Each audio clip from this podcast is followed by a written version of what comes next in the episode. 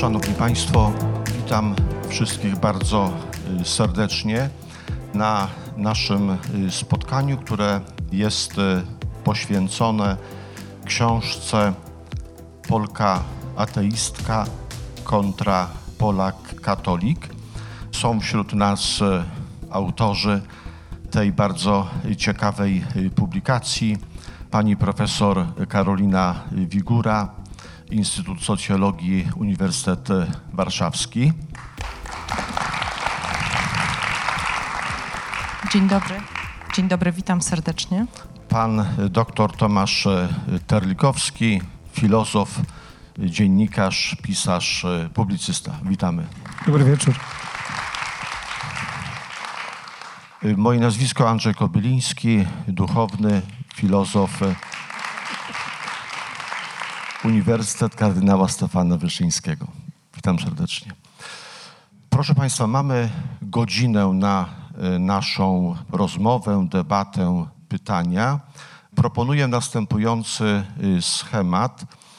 Pierwsza część y, to seria czterech, pięciu pytań do autorów książki. To nam zajmie około, myślę, 20 5 minut, następnie 25 minut na Państwa pytania i odpowiedzi ze strony autorów i ostatnia krótka e, część kilkuminutowa to będzie nasze takie wspólne e, podsumowanie naszej debaty czy naszej dyskusji.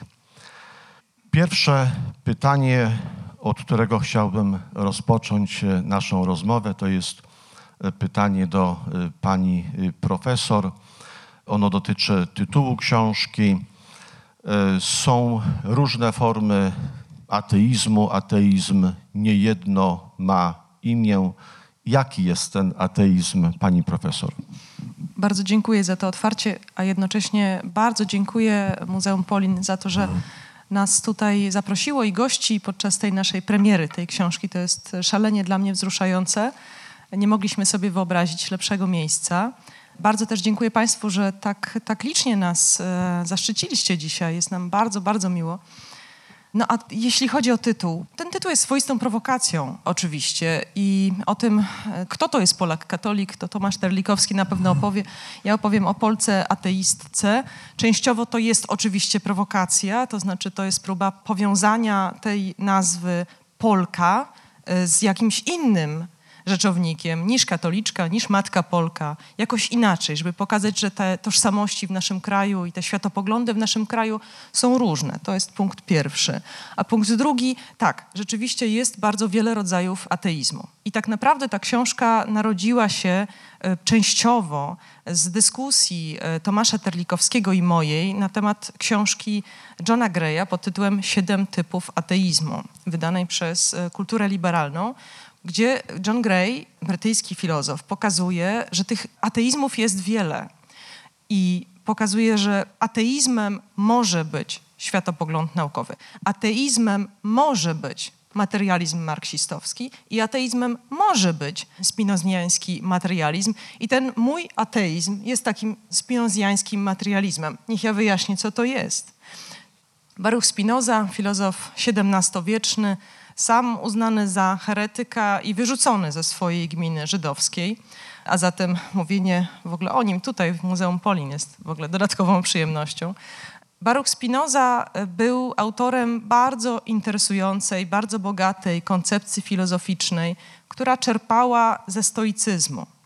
I kiedy czerpał ze stoicyzmu, to tłumaczył, że świat pozbawiony jest co prawda Boga osobowego, w Boga osobowego Baruch Spinoza nie wierzył i ja również nie wierzę w Boga osobowego, ale to nie znaczy, że świat jest całkowicie, jest tylko materią. Jest przesycony według Spinozy duchowością. Jest cały, jest też całością, tak jakby stoicy chcieli go widzieć. A zatem, jeżeli pyta mnie Pan o to, co to jest mój ateizm, to jest mi na pewno najbliżej właśnie tam, do materializmu, ale materializmu uduchowionego, przepełnionego pewną duchowością, albo jakbym powiedziała za, za Johnem e, Williamsem, świetnym e, pisarzem, który napisał taką piękną powieść Stoner, może Państwo znają, a jeżeli nie, to zazdroszczę Państwu, że dopiero jeszcze Państwo ją przeczytają. że to jest materia przesycona światłem. Także ateizm. Pani profesor y, czerpie swoje inspiracje z Barucha Spinozy. Wiemy, że w naszym kraju Leszek Kołakowski się bardzo często odwoływał do Barucha Spinozy i w jednym z wywiadów pod koniec swego życia pytany o wiarę y, mówi tak, y, y, czy ja wierzę, nie wiem, ale na pewno Pan Bóg to wie. Natomiast, panie doktorze, owszem, dzisiaj chrześcijaństwo ma różne postaci, jest bardzo wiele, nawet tysiące różnego rodzaju kościołów, wspólnot chrześcijańskich, także katolicyzm jest różnorodny, podzielony na różne frakcje, nurty w Polsce, w Niemczech, w Stanach Zjednoczonych. Jaki jest katolicyzm Tomasza Terlikowskiego? Ja pamiętam, jak dyskutowaliśmy o książce Johna Greya, to tam jednym z bohaterów ateistów jest Lew Szestow, czyli rosyjski, e, żydowski filozof. E, to tak naprawdę jest pseudonim Lew Szestow. Jerudalej Szwarcman się nazywał tak naprawdę, syn kupca e, z Kijowa. Całe życie pisał pod pseudonimem. Ja się akurat z diagnozą, że on jest ateistą, do końca nie zgadzam. On jest takim klasycznym, niechrześcijańskim apofatykiem. Więc gdybym miał definiować swój e, katolicyzm, to zacząłbym od tego, że to jest katolicyzm filozoficznie czerpiący z myślenia apofatycznego. Pseudodioniza Areopagita em, szczególnie mocno, ale przy pewnej interpretacji również do pewnego stopnia święty Tomasz chociaż oczywiście w zupełnie innym stylu. I, i to jest ten, ten punkt wyjścia, czyli ten teizm jest teizmem w moim przypadku apofatycznym bardzo mocno i bardzo jednoznacznie. Natomiast jakim jestem katolikiem, e, wystarczy poczytać e, mój profil, to będzie wiadomo, liberalnym, zdradzieckim i różne inne rzeczy tam o mnie piszą. Powiedziałbym, że myślę, że jestem dość tradycyjnym katolikiem w wielu kwestiach. To znaczy, e, z jednej strony liturgicznym, to znaczy zakorzenionym w liturgii Kościoła katolickiego, z drugiej strony eucharystycznym, bo Eucharystia jest dla mnie takim właśnie jako dla łacinnika przejawem obecności, bardzo istotnym przejawem obecności. Równocześnie jakoś zakorzenione w tej tradycji filozoficznej, w której trochę obok studiów, chociaż nie tylko, bo wielu z naszych wykładowców też, też tą myśl jakoś studiowało, uformowanym przez myśl żydowską, przez Bubera, przez Lewinasa, no właśnie przez wspomnianego Szestowa i przez myśl prawosławną, która e, rosyjskiego prawosławia, wstyd się teraz przyznać, ale tak rzeczywiście było. Bułgakow, e, Bierdiajew, która nadaje e, floreński, która nadaje właśnie taki wymiar ikoniczny postrzeganiu świata, troszeczkę neoplatoński. Natomiast samo sformułowanie Polak-katolik, żeby już króciutko się do tego odnieść, to jest oczywiście czysta prowokacja, bo akurat e, za Romanem Dmowskim, który jest e, autorem tego sformułowania, e, jakoś nigdy nie przepadałem. Nawet jeśli doceniałem jakieś jego rozmaite zasługi dla Polski, to nigdy nie była to moja, mój światopogląd ani moja ideologia. I przypominam, że on ten, to genialne sformułowanie ukuł jeszcze jako agnostyk, czy jako człowiek niewierzący i niepraktykujący. I to było określenie czysto polityczne, więc w sposób oczywisty to była prowokacja. Moja żona, która gdzieś tutaj siedzi, niestety pod świat, już widzę gdzie, mówiła, jeszcze ci tylko powinni na okładce wąsy dorobić, żebyś wyglądał jak prawdziwy Polak katolik. No więc nie mam wąsów, bo moja żona ostatnio znalazła informację, że wąsy i broda mogą powodować groźne zakażenia u partnerek brodaczy, więc no więc i tak nie zapuszczę. Nie będziemy przechodzić na e, takie, że tak powiem, obszary polityczne. E, Chciałbym teraz zapytać o coś bardzo intymnego i gdy dowiedziałem się, że będę tę rozmowę dzisiaj prowadził, to od razu wiedziałem, że wśród wielu pytań akurat to y, będzie postawione, a tego nie wiedzą y, y, nasi tutaj rozmówcy. Pani profesor, jest coś takiego jak wątpienie, zwątpienie, nawet e, czasami niektórzy wiarę określają jako życie z wątpliwościami. E, Jakie są momenty wątpienia w życiu ateistki czy ateisty? E, Uczestniczy pani profesor w pogrzebach, e, w uroczystościach e, pogrzebowych. e, Dotyka pani profesor tajemnicy śmierci, być może zdarzyło też się pani profesor dotknąć ciała osoby zmarłej, chłodnego, zimnego ciała osoby zmarłej. Czy są sekundy, w Pani życiu, kiedy Pani profesor jako ateistka wątpi w to, co myśli? Zastanawiam się, jak odpowiedzieć na to pytanie i myślę sobie, że chyba tutaj będziemy całkowicie równi. To znaczy, prawdopodobnie ateista wątpi w swój światopogląd tak często, jak człowiek wierzący wątpi w swój. Tak przypuszczam, bo myślę, że kiedy oglądamy świat, próbujemy te nasze światopoglądy formułować, to nie bylibyśmy konsekwentni, nie staralibyśmy się tego robić na poważnie, gdybyśmy nie wątpili. To znaczy, gdybyśmy tylko mówili, że tak jest na pewno, to tak naprawdę nie byłoby to prawdziwe staranie kształtowania światopoglądu, tylko to byłoby właściwie jakieś takie samo oszukiwanie się. Jeśli pyta mnie Pan o sytuację pogrzebu, takie intymne sytuacje z życia, nie. W takich sytuacjach nie. Natomiast z całą pewnością zastanawiam się, stawiam sobie najwięcej pytań, kiedy widzę, co wspaniali naukowcy przynoszą, jeśli chodzi o wiedzę o wszechświecie, w którym żyjemy. Zawsze powtarzam moim dzieciom, że bardzo im zazdroszczę tego, że być może już za ich życia dowiemy się czegoś więcej, czego ja nie zdążę się dowiedzieć. To mnie chyba najbardziej w życiu złości, że ja nie zdążę się już dowiedzieć, że może się nie zdążę dowiedzieć, czy życie pozaziemskie istnieje, albo czy istnieje inteligentne życie pozaziemskie, o to jeszcze trudniej statystycznie. I nie o to chodzi wcale, że wszechświat wydaje mi się w jakiś sposób przesycony boską myślą. W ogóle nie.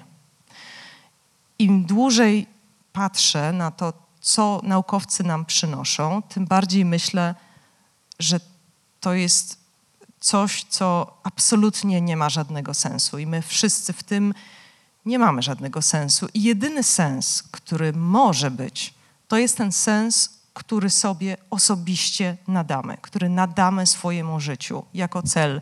I to rozumiem jako pewnego rodzaju wyzwanie moralne, tego rodzaju cel. Natomiast myślę sobie czasem, że kiedy już będziemy wiedzieć o tym wszechświecie więcej, to bardzo możliwe, że ta wiedza wywróci wszystkie nasze światopoglądy.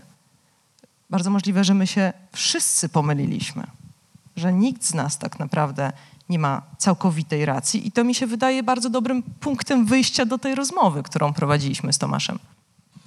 Za chwilę podobne pytanie do pana y, doktora. Natomiast y, w ramach wprowadzenia y, jedna moja myśl. y, Otóż miałem 22 lata, gdy przeczytałem Idiotę Fiodora Dostojewskiego i tam jest scena, gdy książę Myszkin patrzy na reprodukcję y, Hansa Holbeina Chrystus w grobie. To jest ten słynny obraz z Bazylei i później y, Myszkin myśli, że patrząc na ten obraz można utracić wiarę, ponieważ na tym obrazie y, śmierć Chrystusa jest y, przedstawiona w taki bardzo y, realistyczny sposób. Ciało się zaczyna rozkładać i Myszkin ciągle do tego powracał, myśląc, że patrząc na taki obraz można wiarę utracić. Panie Tomaszu, jakie są przeżycia, chwile, kiedy w życiu katolika przychodzi czas zwątpienia? Nie mogę mówić w imieniu wszystkich katolików, mogę mówić o sobie oczywiście. Jakieś dwa lata temu zadzwonił do mnie mój przyjaciel, który w dramatycznych okolicznościach z dnia na dzień musiał wrócić z emigracji. Byli na wakacjach, okazało się, że wypowiedziano im umowę najmu i nie mieli dokąd wrócić. Oni piątka ich dzieci wrócili do Polski. Miesiąc później przyjechali do nas y, i powiedzieli nam, że ich synek, ośmioletni, ma raka kości. Ale byli pełni nadziei, przekonani, że, że wszystko będzie dobrze. Za tego chłopca modliła się, to, to oni od bardzo, od, od zawsze, od najwcześniejszego dzieciństwa tych y, swoich synków i samych chłopców. Chodzili z nimi na pielgrzymki, głęboko się modlili, byli głęboko zaangażowani w życie Kościoła. Modliła się za tego chłopca cała diecezja i pół Polski, tak umownie rzecz biorąc. I ten chłopiec powoli gasł. W pewnym momencie, kiedy wracali z kolejnej odsłony, kolejnej chemii, zapytał się ten chłopiec swojego tatę, czy mama, no chodziło o jakiegoś świętego, czy mama ma kult dla niego. On mówi, no tak. On mówi, ja już go niedługo zobaczę. A potem, kiedy wypisano go ze szpitala i wracali do domu, to on mówi, to co? To znowu za tydzień tu wracamy. A ojciec do niego mówi, już nie. I wtedy ten chłopiec ośmioletni, jak się patrzyło mu w oczy, to było widać mądrość i głębie człowieka pięćdziesięcioletniego. Powiedział, czyli to już koniec. Czyli to już jest koniec. I dosłownie kilka tygodni później ten chłopiec umarł. I to jest ten moment, kiedy człowiek sobie zadaje pytanie: dlaczego? Krótko wcześniej rozmawiałem z pewnym zakonnikiem, szefem hospicjum. Od 25 lat prowadzi hospicjum dla dzieci. Pytam się, ile miałeś cudów? On mówi, tam pytasz się o uzdrowienia, tak? Ja mówię, no tak. Żadnego. Od 25 lat, średnio raz w miesiącu, odprowadzał na drugą stronę dziecko i uzdrowienie cudowne się nie zdarzyło. A potem dorzucił jeszcze jedną historię. Mówi do mnie, wiesz, mam takiego starszego człowieka. No, nie takiego starszego, pięćdziesięcioparoletniego, czyli za chwilę będę w jego wieku. I jeżdżę do niego od czasu do czasu. Na cmentarzu miejscowości, w której on mieszka, jest siedem grobów. To jest grób jego żony i szóstki jego dzieci. Wszystkie umarły na nowotwór. Został mu jeden syn. Kiedy do niego dzwonię i pytam się, co u niego, to on odpowiada, jeszcze żyje.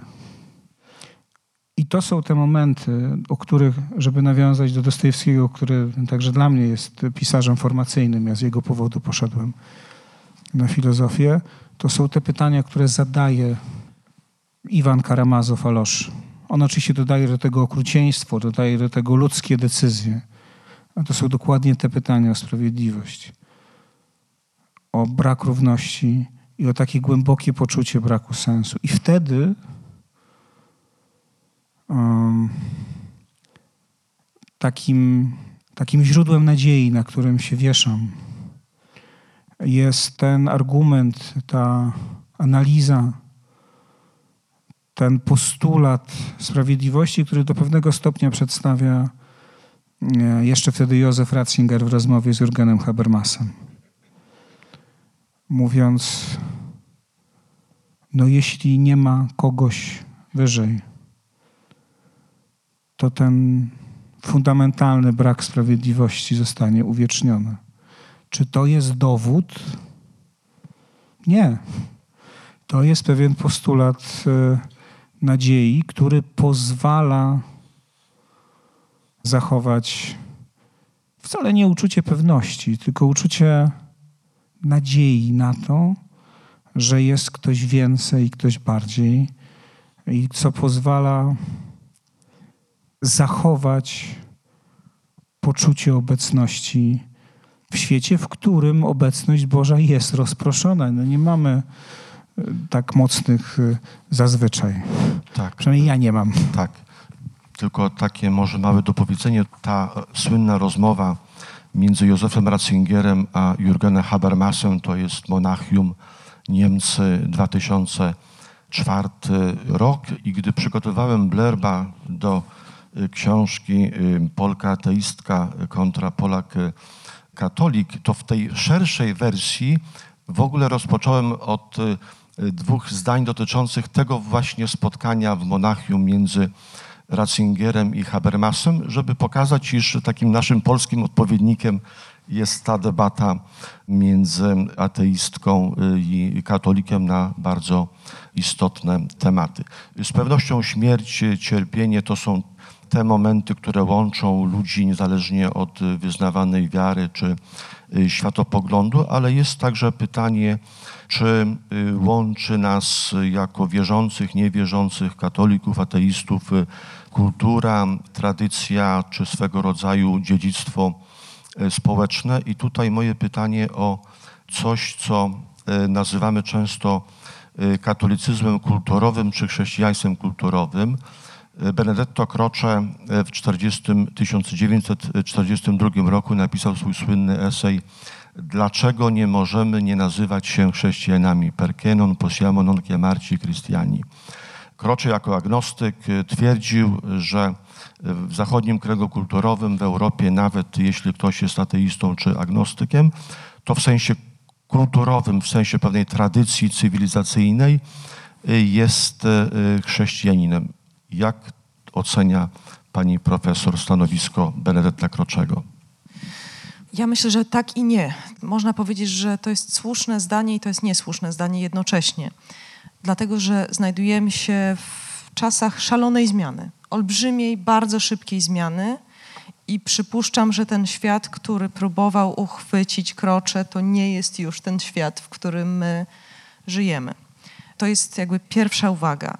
Od tego czasu, w którym on pisał, Europa bardzo się zmieniła. Europa jest y, miejscem, domem nie tylko jednej religii, czy też nie tylko dwóch religii, bo jeszcze oczywiście zawsze judaizm, ale też i trzeciej wielkiej religii, czyli islamu. I w Polsce to nie jest jeszcze tak bardzo wyraźne i tak bardzo obecne, ale już w Niemczech, gdzie ja w tej chwili w większości mieszkam, to jest bardzo obecne. I to nie znaczy bynajmniej, jak często jesteśmy przekonywani, że ta, że ta współobecność religii obok siebie musi kończyć się chaosem i nihilizmem. Tak nie musi być. To nie jest automatyczne. Tak może być, ale tak nie musi być. Natomiast z całą pewnością nie powiedziałabym, że, że Krocze opisuje swoim zdaniem współczesną Europę. Nie, nie opisuje. To jest punkt pierwszy, czyli że nie. Punkt drugi, że nie, jest taki. Ja osobiście nie lubię takiego rodzaju przepychania się pomiędzy zwolennikami dominacji czy dominacji intelektualnej, kulturowej chrześcijaństwa czy katolicyzmu i z drugiej strony oświecenia, filozoficznej tradycji myślenia. Dlaczego? To nie jest albo albo.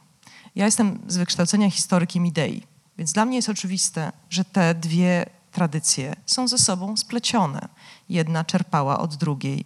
Najpierw chrześcijaństwo przepisało starożytnych, potem oświecenie przepisało chrześcijaństwo i tak dalej, i tak dalej. Czyli to są ze sobą splecione tradycje, ale one nie da się ich wyrazić mówiąc tylko o chrześcijaństwie.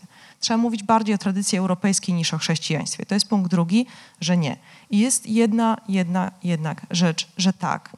Przypuszczam, że wystarczy przenieść się z Polski nie do Niemiec, nie do Szwecji, nie do Francji, ale do Chin. Albo, no, do Chin chyba najlepiej. To znaczy na, do kompletnie innego spektrum kulturowego, żeby zrozumieć, że nawet osoby, które są w Polsce całkowitymi ateistami, żyją całkowicie poza Kościołem, Kościół nie ma wpływu na to, w jaki one sposób myślą, jednak okazuje się, że w konfrontacji są zupełnie inną kulturą. Gdzieś tam te odniesienia do chrześcijaństwa się pojawiają. Więc myślę, że powinniśmy udzielać zniuansowanych odpowiedzi tutaj. Tak, i to samo pytanie do pana doktora Tomasza Telikowskiego. Bardzo krótko, proszę, dwie, trzy minuty. Spróbuję krótko. Ja ostatnio e, czytam książkę, która jest taką, taki dokument w zasadzie należałoby powiedzieć, który dotyczy mm, debaty. To jest dokument wspólnej komisji luteranów i katolików niemieckich.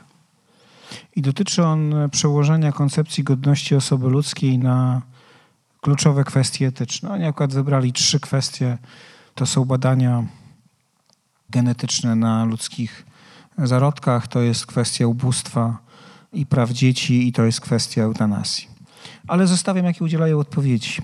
Wstępny rozdział tego dokumentu to jest bardzo ciekawa analiza prowadzona przez, no właśnie, e, luteranów i katolików, współprzewodniczącym to tak, żeby pokazać, jak, e, jak to czasem jest pisane. Współprzewodniczącym ze strony katolickiej był kardynał Gerhard Müller, późniejszy prefekt Kongregacji Nauki Wiary, obecnie bez żadnej złośliwości na kościelnym bezrobociu. To znaczy nie ma, nie pełni żadnych funkcji oficjalnych, poza tym, że jest kardynałem i wykłada w różnych miejscach często jeżdżąc. I ten dokument zaczyna się od takiej długiej analizy, w której jego autorzy mówią tak, oczywiście prawo niemieckie, czy niemiecka tradycja prawna oparta jest na tradycji godności osoby ludzkiej. To jest kluczowy koncept y, filozoficzny leżący u podstaw niemieckiego prawa. I dalej mówią tak, można go interpretować albo w kategoriach świeckich, laicyzując go do pewnego stopnia, albo w kategoriach chrześcijańskich, wyprowadzając go z teologii chrześcijańskiej. I kończą to rozważanie zdaniem z polskiej perspektywy pewnie dość zaskakującym, mówiąc, problem polega na tym, że i z perspektywy laickiej, i z perspektywy religijnej niemała część obywateli Niemiec nie przyjmuje tego konceptu. On jest dla nich albo obcy religijnie, albo obcy kulturowo. I teraz e, co z tego wynika, bo to można powiedzieć jest kluczowe pytanie. No, wynika z niego to, że rzeczywiście powoli, ale bardzo systematycznie stajemy się społeczeństwem, my w Polsce dużo wolniej, czy w zasadzie nas jeszcze to nie dotyka, ale społeczeństwami pluralistycznymi. Takim symbolicznym znakiem tego wydarzenia są takie dwa momenty. Jednym jest e, moment, w którym w kraju, w którym jeszcze całkiem niedawno Tony Blair czekał, żeby zostać katolikiem, aż przestanie być premierem bo jeszcze lat temu 20 w Wielkiej Brytanii wcale nie było oczywiste, że katolik może być premierem, bo premier uczestniczy w mianowaniu, czy uczestniczył w procedurze mianowania biskupów anglikańskich. No to poprzedni premier już był katolikiem, o czym się rzadko pamięta. Boris Johnson przy swoim kolejnym małżeństwie wrócił do religii swojego urodzenia, czyli wrócił do kościoła katolickiego. No ale obecny Rishi Sunak jest wyznawcą hinduizmu i to jest bardzo symboliczna zmiana. A w Niemczech y, to podały już oba kościoły główne chrześcijańskie, czyli i y, niemieccy luteranie, może powiedzieć ta organizacja grupująca wszystkie kościoły krajowe luterańskie, bo to tak trzeba nazwać, plus kościół katolicki, poinformowały, że wraz z procesem odpływu wiernych i brakiem nowych w tym roku wspólnie katolicy i luteranie przestaną stanowić więcej niż połowę mieszkańców e, Niemiec. Oczywiście większość tych niekatolików i nieluteranów to są nadal, można powiedzieć, kulturowi katolicy i kulturowi luteranie, chociaż w coraz mniejszym stopniu, to też uczciwie trzeba powiedzieć. Natomiast oczywiście, i tu się całkowicie zgodzę, jak pamiętam, pojechałem pierwszy raz do Japonii, i zetknąłem się z kulturą japońską i z tamtym myśleniem, no to oczywiście dla mnie nie było odkryciem, że jestem katolikiem, ale, ale tam sobie uświadomiłem, jak głęboko różna, na bardzo różnych poziomach jest tam ta kultura. I tylko jedno anegdotycznie powiem, stałem przed świątynią shintoistyczną, to jest akurat bóstwo płodności nieopodal, czy w samym Kyoto jeszcze. I próbowałem się dowiedzieć od kapłana shintoistycznego, czy lis, który stoi na tym, przed tym budynkiem, to jest symbol, symbol bóstwa, bóstwo, czy może sługa bóstwa. A on się na mnie spoglądał jak na kompletnego kretyna. Mówi, ale jakie to ma znaczenie w ogóle? Znaczy, o co się w ogóle pytasz? Znaczy, to, to nie ma znaczenia. I to jest oczywiście tylko anegdotyczny przykład. E, ale przy całym pięknie tej kultury to jest oczywiście kultura głęboko odmienna. Na pytanie, jakiego jesteś wyznania, słyszeliśmy odpowiedź, czy słyszałem odpowiedź bardzo często. No urodziłem się jako shintoista, ślub brałem jako chrześcijanin, umrę jako buddysta. I nie chodziło o żadne zmiany. No, to była odpowiedź standardowa, tak się po prostu odpowiadało. Pacta sunt servanda, umów trzeba dotrzymywać, y, schemat naszej rozmowy musi być przestrzegany. Y, to była pierwsza część, y, gdy chodzi o takie nasze wspólne wprowadzenie. Teraz możemy przejść do części drugiej, czyli do Państwa pytań. Bardzo proszę, tak. Zwracam się do księdza prowadzącego z takim następującym pytaniem. Czy dałoby się, bo siedzę tutaj, słucham wypowiedzi państwa, to znaczy pana Terlikowskiego i pani. I nie bardzo rozumiem, o czym wy rozmawiacie i gdzie tu jest ta kontra, prawda? Która jest w tytule książki uwzględniona. Czy żeby sprecyzować bardziej to pytanie, chciałbym zapytać się, czy można sprecyzować na potrzeby przynajmniej moje, kiedy przestaje się być katolikiem i kiedy się staje człowiek ateistą i odwrotnie. Dlatego, że różnica poglądów wynika z pozycji, które każdy człowiek w filozofii swojego życia przyjmuje. Czy jest to możliwe? Proszę pana, bardzo dziękujemy za to pytanie, ale bohaterami dzisiaj całego eventu są pani profesor i pan doktor. Ja mógłbym długo opowiadać, e, gdy chodzi o zagadnienia religijne, ale nie chciałbym, że tak powiem, zamieniać ról. Także czy w, na to pytanie pani profesor Ja bardzo dziękuję za to pytanie. A to jest świetne pytanie, uważam. Kiedy się człowiek staje katolikiem i kiedy staje się ateistą? Doskonałe pytanie, uważam. W sensie kulturowym człowiek się staje katolikiem, kiedy jest ochrzczony. Natomiast y, rozmowa y, nasza w książce, jest o tym rozmowa, to jest rozmowa o Kościele katolickim. My pokazujemy, co nas z Kościoła wypchnęło, to w moim przypadku, a co nas trzyma, to, to już Tomasz Terlikowski. I to może to jest trochę odpowiedzią na, na, na pańskie pytanie. I kluczem, chociaż tam jest wiele przyczyn stania się ateistką, czyli ja tam wymieniam jakość kleru. No, w moim dzieciństwie i wczesnej młodości te osoby, które spotykałam, były w przeważającej mierze bardzo niskiej jakości. Zatem to jest po pierwsze. Po drugie, w podstawówce, do której chodziłam, ja byłam świadkiem tego, jak, e, jak ksiądz molestował moje koleżanki, ale moje koleżanki. I uważam, że to jest niesłychanie ważne doświadczenie, ponieważ to jest takie doświadczenie patrzenia na coś, czego się nie rozumie e, jako dziecko, i dziecko patrzy na tę scenę i myśli: Aha, no to on chyba mnie nie lubi, skoro się mną nie interesuje. Potem następuje wiele lat ciszy, prawda? Gdzieś tam to wspomnienie znika. I po wielu, wielu latach, ja już musiałam mieć ze 25 albo 30 lat, ja sobie zdałam sprawę z tego, na co ja patrzyłam, co to było i jakie ślady to zostawia. To na pewno zostawiało ślady w tych osobach, ale to też zostawiło jakieś ślady we mnie. I to jest bardzo istotne. Ale to są, powiedziałabym, kwestie związane z takim osobistym doświadczeniem, które prawdopodobnie ateisty z nikogo nie robią. Są takie osoby, które niechętnie chodzą do kościoła, ale mówią, ja nadal jestem wierzący albo wierząca. Więc w moim przypadku to jednak jest kwestia domyślenia swojego światopoglądu do końca.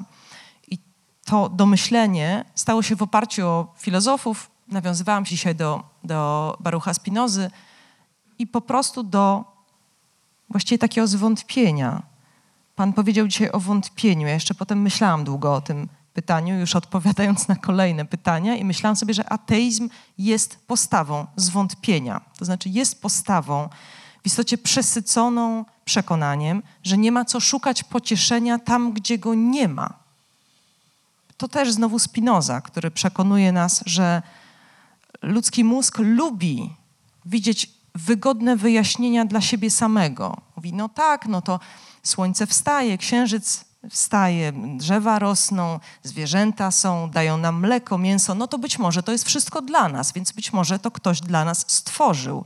I Spinoza mówi, to są wszystko złe wnioski. Tak nie jest. Czyli to jest zasadnicze zwątpienie, odmowa szukania pocieszenia w wierze, ale to nie oznacza, i to wydaje mi się też jest przedmiotem naszej dyskusji w rozdziale o uniwersalnych wartościach, to nie oznacza rezygnacji z wartości.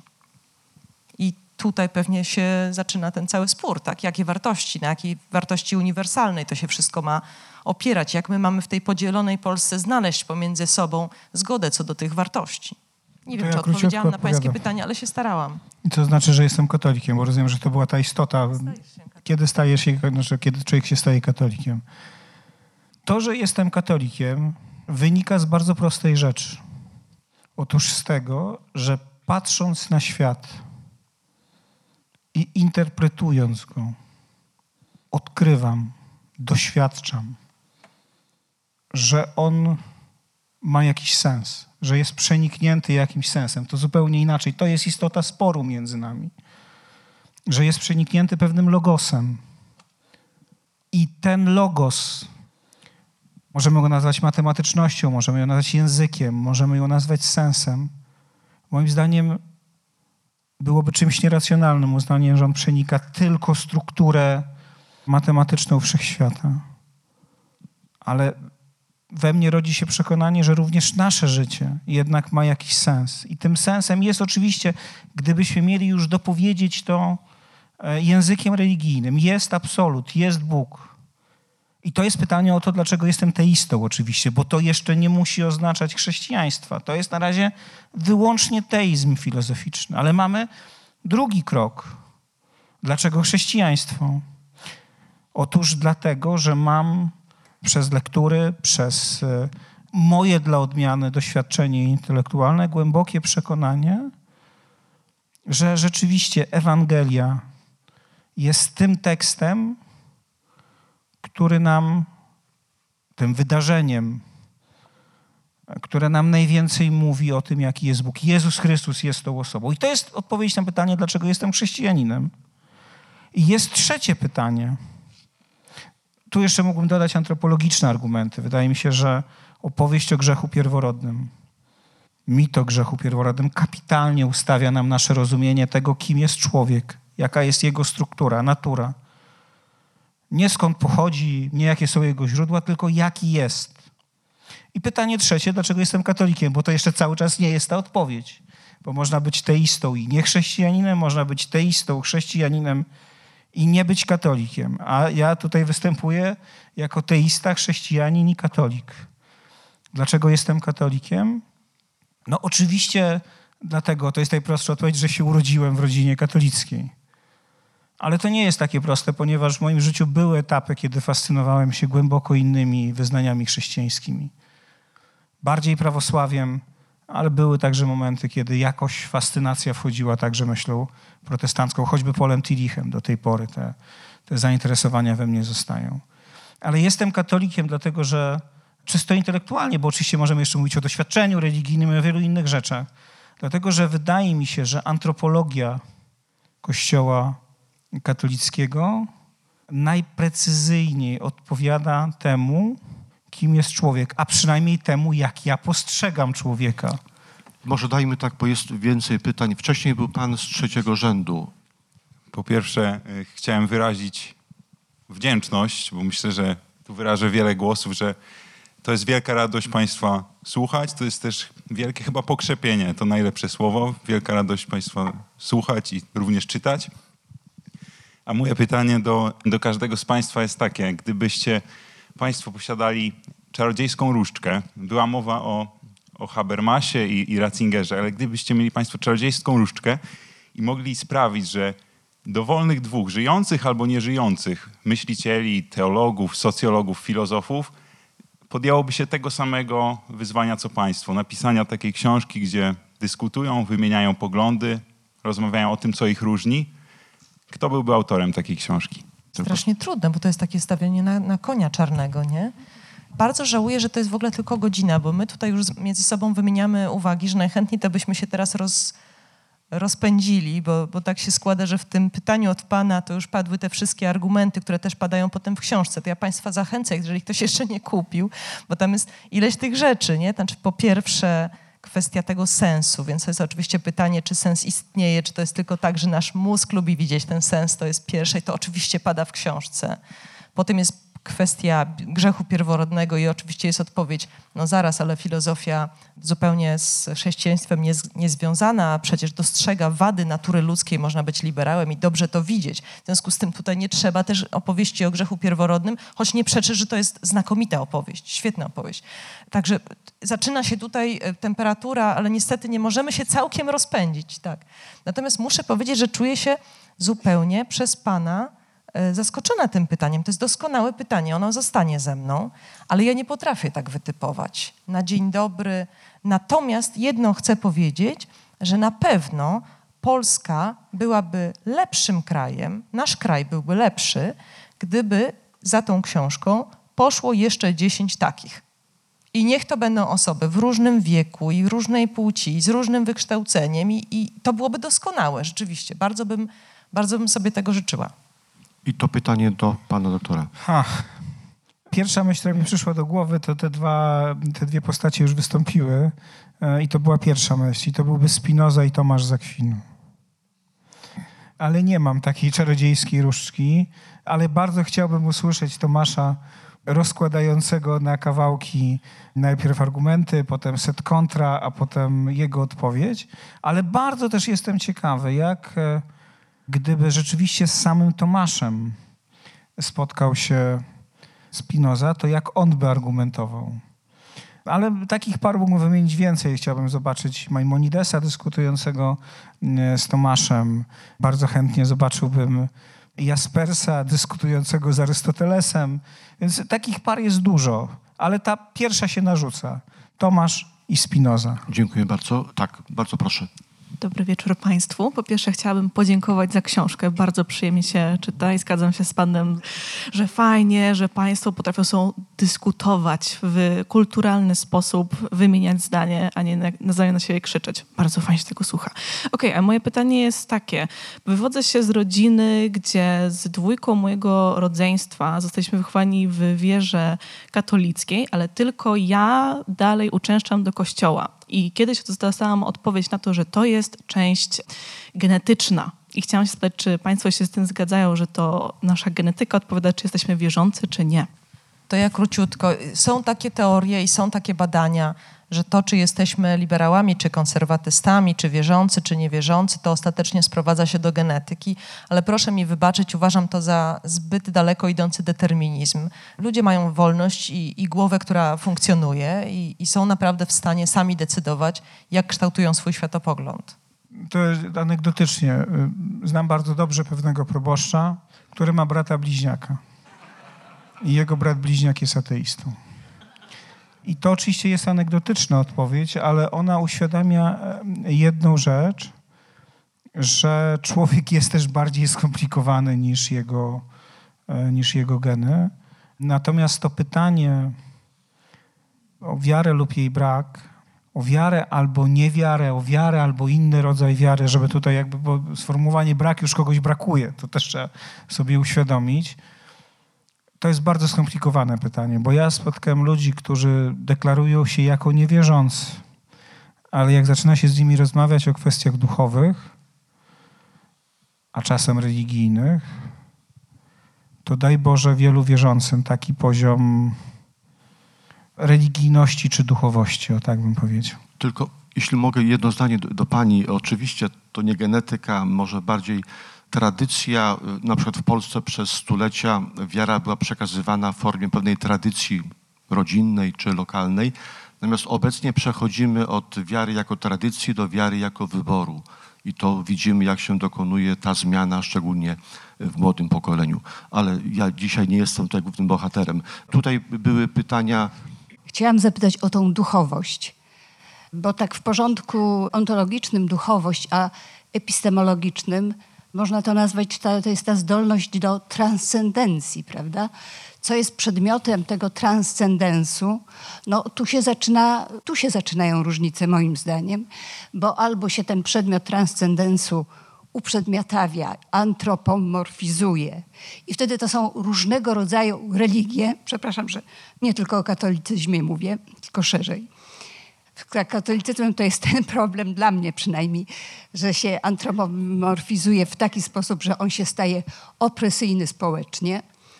Natomiast, natomiast jeżeli się nie antropomorfizuje tej zdolności do transcendencji, a rozumie ją się jako świadomość bycia, bycia wśród ludzi, e, wśród innych, to wtedy moim zdaniem staje się człowiek podmiotem moralnym, etycznym, gdzie religia w ogóle nie jest potrzebna. Natomiast jest potrzebna samowiedza i świadomość. Bardzo dziękujemy pani profesor. Bardzo proszę. Ja mam wrażenie, że to nie tyle pytanie, co właściwie pani podzieliła się z nami swoim światopoglądem. Komentarz. I, i w Bardzo tym proszę. sensie to, to taki króciutki komentarz. Ja myślę, że to jest bardzo ważne to, co pani powiedziała, to znaczy takie, takie współistnienie w świecie, który, który sprawia, że my jesteśmy istotami moralnymi. To jest jakby jedna, jeden aspekt duchowości. I drugi aspekt duchowości to jest ta tajemnica życia, prawda? To znaczy to, to, co przenika, to, co jest, ale czego nie rozumiemy do końca. I ja rzeczywiście wracam do tej metafory z książki Stoner e, Johna Williamsa, gdzie on opowiada o tym, jak patrzy w, w twarze dzieci i młodszych od siebie, już jako starzejący się mężczyzna i widzi światło, i że to światło z czasem jest w nas słabsze, tak jakby to życie było słabsze. Ta tajemnica trwa tylko przez jakiś czas. Wyjątkowo piękna książka, bardzo, bardzo polecam. Bardzo prosimy o pierwsze ja pytanie. króciutko jeszcze, bo, dlatego że wydaje mi się, a może powiem inaczej, moim najgłębszym doświadczeniem jest to, że postrzeganie religii teistycznych, czyli tych, które uznają istnienie jakiejś formy osobowego Boga przez kryterium antropomorfizacji jest po prostu niesprawiedliwe wobec tych religii. To znaczy ani Mojżesz Maimonides, ani święty Tomasz z Akwinu, ani e, najwięksi przedstawiciele myśli islamskiej e, z tego okresu, kiedy ona przeżywała swój filozoficzny rozwój, Avicenna na przykład, nie postrzegają Boga antropomorfizując go. I wystarczy sięgnąć no, nawet już do mistrza Karta, i to nawet zinterpretowanego absolutnie ortodoksyjnie, żeby zobaczyć, że jest to obraz nieprawdziwy. Co więcej, to nie tyle rozumienie bóstwa nas prowadzi czasem do przemocy systemowej i do opresji, co się pojawia, tylko sama struktura społeczna do tego prowadzi, dlatego że religie nieteistyczne, które kładą nacisk na samoświadomość, potrafią być w swoim działaniu równie okrutne i bezlitosne, czy ich przedstawiciele, I tutaj jak przedstawiciele kropkę. religii Tutaj monoteistycznych. stawiamy kropkę. Bardzo proszę pytanie. Ja mam takie pytanie, bo e, tytuł książki jest Ateista kontra katolik i ja się zastanawiam nad czymś takim, bo wiadomo, że super Państwo rozmawiacie o, e, o tych sprawach. Znaczy tutaj nie padają te sprawy, jakby, które są w książce, bo słuchałem wczoraj audycji w Radiu 357. Tam jest o eutanazji, o aborcji, o, o wojnie, o in vitro. No i teraz mnie ciekawi coś takiego, bo fajnie można rozmawiać z drugą osobą, która ma inny pogląd, z kulturą, wiadomo, wysłuchać, i to jest okej, tak? Y, Można się różnić, jeżeli chodzi o in vitro, można się różnić, jeżeli chodzi o aborcję, biegunowo odstawać od siebie i z szacunkiem do siebie się odnosić.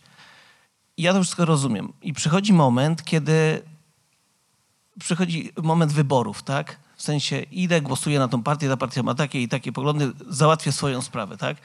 I w tym momencie, i w tym momencie ja mam takie poczucie i chciałbym e, się dowiedzieć, co państwo, co czują, że ja fajnie rozmawiam, ja mam kolegę takiego w pracy właśnie, z którym takie debaty, debaty, rozmowy prowadzimy, rozmawiamy, ale ostatecznie jak przychodzą wybory i wygrywa dane ugrupowanie na przykład, które nie będzie realizowało moich poglądów, to mi się włącza złość na tego gościa, bo ja mogę sobie z nim rozmawiać pełen szacunku, tylko że później on mi buduje życie. Ja mam córkę, ta córka będzie miała dziecko, może będzie miała ciężko chore dziecko w, w okresie prenatalnym. Babcia, i wiecie co chodzi. I teraz mi chodzi, i ja rozumiem ten szacunek, to, ja to wszystko rozumiem i to jest fajnie rozmawiać, tylko w pewnym momencie ci ludzie układają życie, tak? Ja jakby nie układam nikomu życie, chcę, upraszczam teraz, bo to e, wiadomo, ale chcę usuwać eutanazja, chcę, nie chcę. Ale jak oni pójdą, to oni powiedzą, nie możesz. Twoja babcia będzie w cierpieniu, twoja córka urodzi martwe i może... O to mi chodzi. Gdzie jest to, ten szacunek ja rozumiem, ale w pewnym momencie się odchodzi od stolika i jest złość. Bo później niestety ludzie emigrują, wyjeżdżają. I takie mam Dobrze. pytanie, jak to się skończyło u państwa? Proszę trzy zdania odpowiedzi i później pan doktor. Naprawdę trzy zdania. O rany.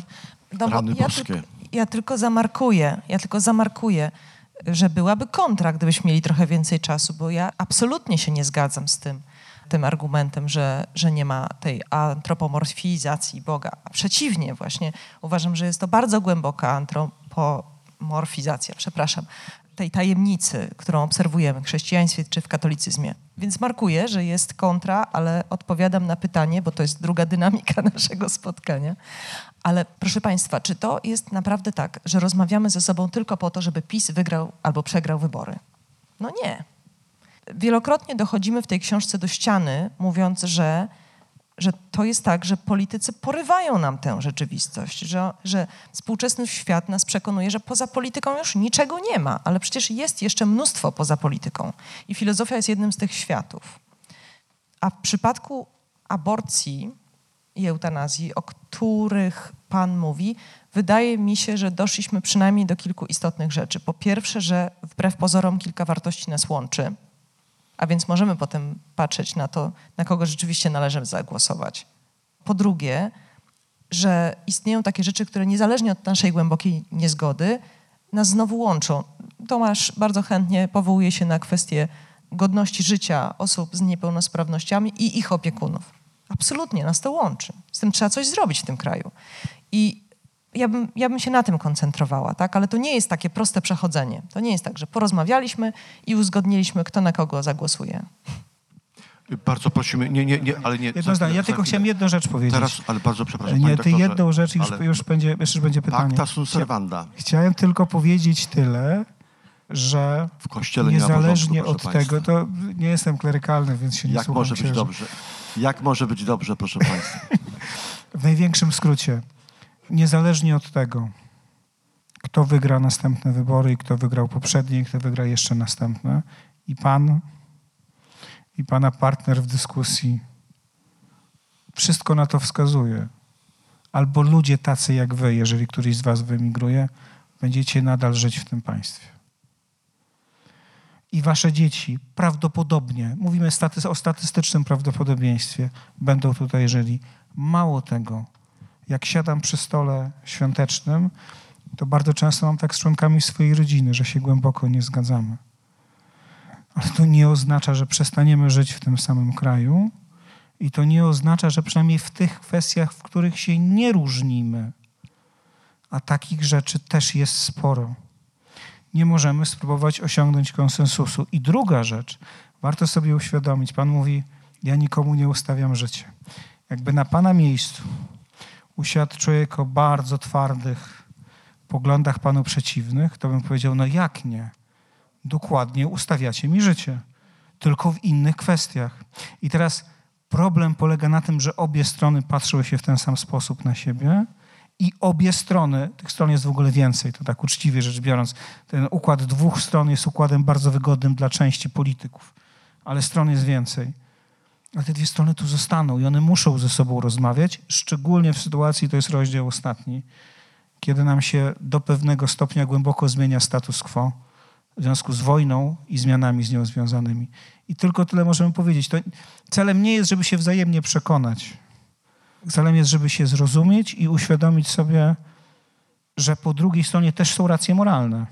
Ja się mogę z nimi nie zgadzać, ale one są. To w ramach tylko takiej humoreski, proszę Państwa, w Polsce doszliśmy do czegoś takiego, że bardzo duża grupa ludzi boi się świąt bożonarodzeniowych bądź wielkanocnych z tych właśnie racji, że przyjadą, nie wiem, kuzyni, ciocia, wujek, że usiądziemy przy stole i się pokłócimy o politykę. Także gdy przychodzi listopad czy grudzień, wiele rodzin w Polsce boi się czasu świąt Bożego Narodzenia i podobnie jest y, przed świętami y, Wielkiej y, Nocy. Także może taka puenta, mniej polityki, więcej religii i filozofii.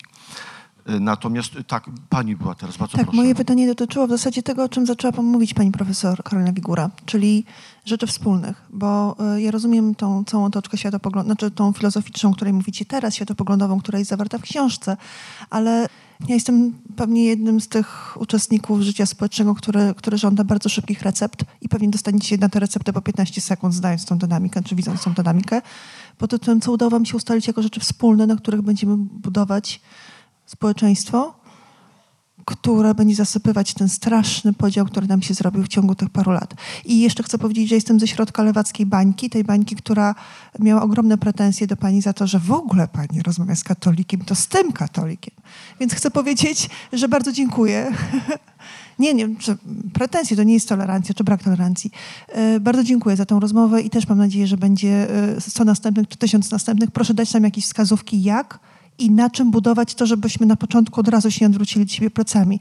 Jestem, wierzę, że tych, e, że tych godzin rozmów było kilkanaście, może kilkadziesiąt, więc już obydwoje o tym wiecie. Jeżeli wam zależy na tym, żebyśmy nie rzucali się sobie do gardeł, to powiedzcie jak.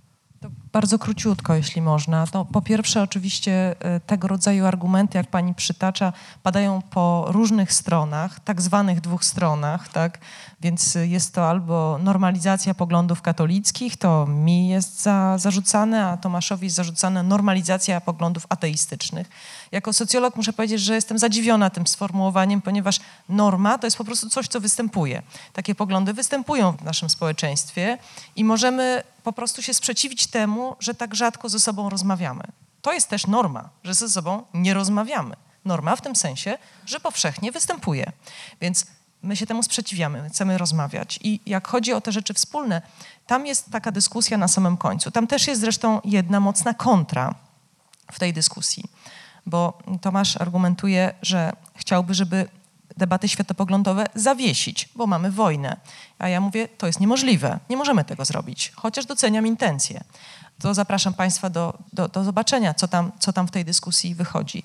Ale jeśli miałabym sformułować taką jedną, prostą zasadę, to ona nie byłaby zasadą dotyczącą ani PiSu, ani Platformy, tylko bym powiedziała po prostu, jeśli chcemy szukać wartości w świecie, który nie tylko się polaryzuje jak w Polsce, ale jest zglobalizowany, pełen zmiany i w gruncie rzeczy wywołuje w nas mnóstwo strachu, to powiedziałabym, że jedyne, co mi na końcu zostaje, to jest taka zasada życzliwości w stosunku do tego drugiego człowieka, na którego ja patrzę i który po lewinasowsku mówiąc ma twarz. I ta twarz jest znamieniem jego godności, więc ta życzliwość wobec drugiego to w takich maksymalistycznych kategoriach. A gdyby chociaż minimalistycznie powiedzieć, to musiałabym powiedzieć, żebyśmy się chociaż wzajemnie mniej opuszczali na co dzień. Ja zacznę od cytatu, który jest na początku tej książki, a potem jeszcze dwa punkty krótkie. To jest cytat ze świętego Ignacego Loyoli z ćwiczeń duchowych. I on brzmi tak. Każdy dobry chrześcijanin powinien chętniej ocalić zdanie bliźniego, niż je potępić. I jak wyrzucimy tego chrześcijanina, każdy dobry człowiek, to to już będzie pierwszy punkt. To nie znaczy, że my się musimy zgadzać, ale że musimy spróbować ocalić to, to zdanie. Drugi element. Wracam często do takiej myśli, która się pojawia często w różnych w różnych poradach dotyczących życia rodzinnego. Że są takie momenty, w których relacje są ważniejsze niż racje. Ważniejsze jest, żeby zachować ze sobą relacje, niż żeby udowodnić, że się ma rację, niż żeby postawić na swoim. I trzeci element to jest taka świadomość, że nasza debata moralna i polityczna, moralna to akurat może jeszcze zrozumiałe, polityczna się bardzo zmoralizowała. To znaczy, jak ja zaczynałem pracę w mediach 25 lat temu, to o ludziach, no przecież wtedy się te media były zupełnie inne, ludzie pracowali razem, myśmy mieli różne światopoglądy. Nawet w radiu, w którym zaczynałem pracę, w Radiu Plus, pracowała Ewa Wanat, Beata Tadla i Michał Karnowski, tak żeby uświadomić, gdzie ci ludzie w tej chwili jak w różnych miejscach są. Wtedy mówiło się, wiadomo, każdy z nas uważa, że w jakichś kwestiach ma rację, a ta druga strona się myli. Tylko, że kategoria mylisz się, oczywiście jako filozof powiem, ja też się mogę mylić, znaczy, to, ale kategoria mylisz się nie jest kategorią moralną. Można uważać, że ktoś się myli, a równocześnie jest dobrym, fajnym, moralnym człowiekiem. Natomiast my w tej chwili używamy bardzo często innej kategorii. Kłamiesz? Kłamiesz. I to już jest kategoria moralna. To znaczy, jeśli ktoś rozmawiając ze mną kłamie, to ja z nim już nie mogę rozmawiać, no bo on zachowuje się niemoralnie, on staje się niemoralny. I w tym momencie kończy się debata. Ja nie twierdzę, że nikt w debacie publicznej po obu stronach nie kłamie. Nie jestem naiwny ale przypisanie kryteriów moralnych innemu postrzeganiu świata oznacza koniec rozmowy. Dlatego, że druga strona staje się wtedy niemoralna. Ktokolwiek po tej drugiej stronie jest, bo to, to po obu stronach występuje, czy po wszystkich stronach, bo tych stron jest więcej. I to jest trzeci element. A czwarty element, y, to, to jak, jaka książka się zaczęła, myśmy to wielokrotnie mówili. Ona zaczęła się zupełnie przy okazji. Uczestniczyliśmy w programie o kulturze. Więc debat e, w czasie ich nagrania, debat o polityce czy o życiu społecznym nie było. Myśmy rozmawiali o filmach, zresztą okazywało się czasem, nie tak znowu często, ale okazywało się, że ja bywałem bardziej liberalny w ocenie, tu cudzysłów, jakichś dzieł kulturowych, a Karolina bardziej, trochę bardziej konserwatywna.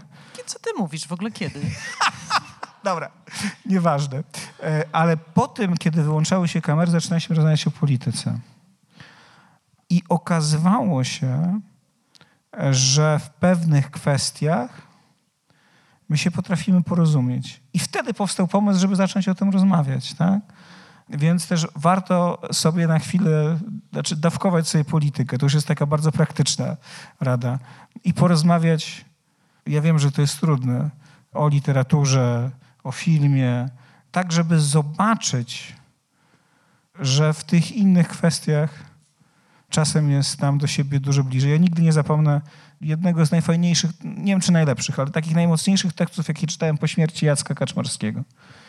To był chyba ostatni wspólny tekst dwóch braci. Jacka i Jarosława Kurskiego. Może gdyby częściej pisali o Kaczmarskim, a rzadziej o czymś innym byłoby trochę lepiej. Ale to nie znaczy, że to nie są tematy te inne. To się nie nagrywało, bardzo proszę. A, no tak, bo bez, bez mikrofonu to, tak, pani to proszę mówiła. to w jednym zdaniu skomentować, co Dobrze, więc odpowiadam na pytanie, czy po tych kilkunastu czy kilkudziesięciu godzinach, już nie wiem ile ich było, doszliśmy do wniosku, że jest coś wspólnego, czego wszyscy zaczynamy.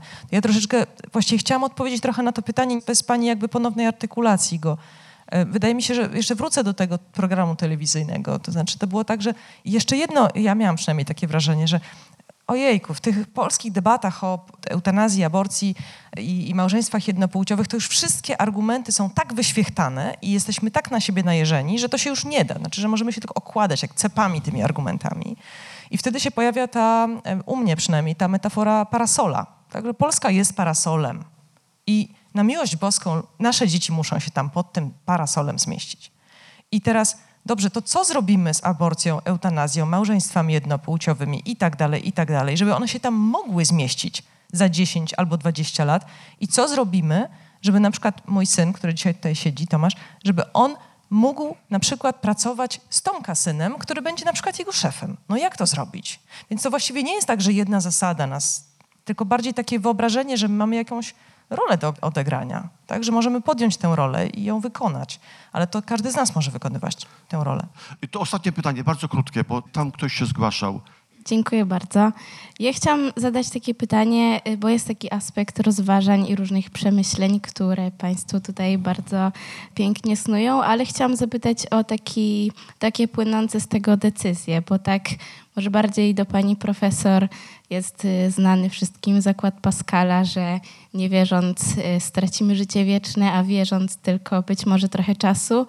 I z kolei do pana doktora, że być może ten sens nie istnieje i może warto go znaleźć samemu i być może ta ponadczasowa sprawiedliwość, o której pan mówił, też może jej nie będzie, więc może powinniśmy bardziej budować ją i potraktować to jako przynaglenie tutaj na ziemi. Tak jestem ciekawa, może to jest takie trochę pragmatyczne pytanie, ale w sumie sprowadza się do tego, co z tego wszystkiego wypływa i w sumie jak żyć. Bardzo proszę.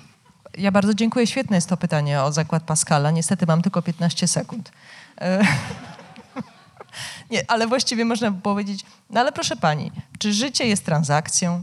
Czy ja mam budować swój światopogląd w oparciu o to, że może kiedyś tam się jednak okaże, że figura wejdzie do Królestwa Niebieskiego? A zresztą pewien duchowny powiedział mi kiedyś w przypływie szczerości, że ja sobie mogę myśleć, co chcę, a i tak jak Bóg zdecyduje, to i tak wejdę. Więc tak, tak, absolutnie. Współczuję tych złych e, relacji. Mówi, no mówiłam o tej jakości kleru, nie? ale nie, ale, ale szczerze. Jednak dla mnie to jest jakoś tak śmiertelnie poważna sprawa, to kształtowanie swojego światopoglądu. I nie chciałabym, żeby to było w oparciu o jakieś takie, takie ustawianie się, a ma być mi wygodnie, gdyby jednak się okazało, że, że inaczej. Wolałabym, żeby, żeby tu i teraz ten światopogląd był taki, jak ja głęboko uważam, że tak jest słusznie. Bardzo proszę, bardzo krótko, trzy zdania. Więc y, wie pani, y, to nie jest tak, że człowiek wierzący to jest ktoś, kto wszystko wie i jest wszystkiego pewny. Pytania, które pani zadaje, pojawiają się w życiu człowieka wierzącego dokładnie tak samo. Merton kiedyś napisał: Jeśli ktoś mówi, że nigdy nie wątpił, to tak naprawdę nigdy nie wierzył. Wiara bez wątpliwości, bez pytań, także bez takich pytań, jak pani zadaje, to jest ideologia. Ona się świetnie sprawdza w pragmatyce,